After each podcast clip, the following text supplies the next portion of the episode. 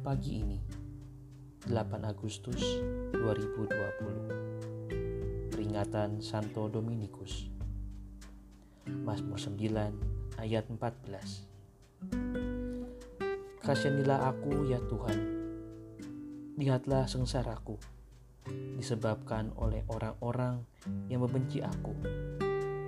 Ya Engkau yang mengangkat aku dari pintu gerbang maut Saudara-saudari, Santo Dominikus berpesan, tetaplah teguh dalam cinta kasih, kerendahan hati, dan jangan tinggalkan kemiskinan.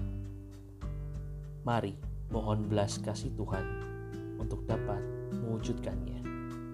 Selamat pagi.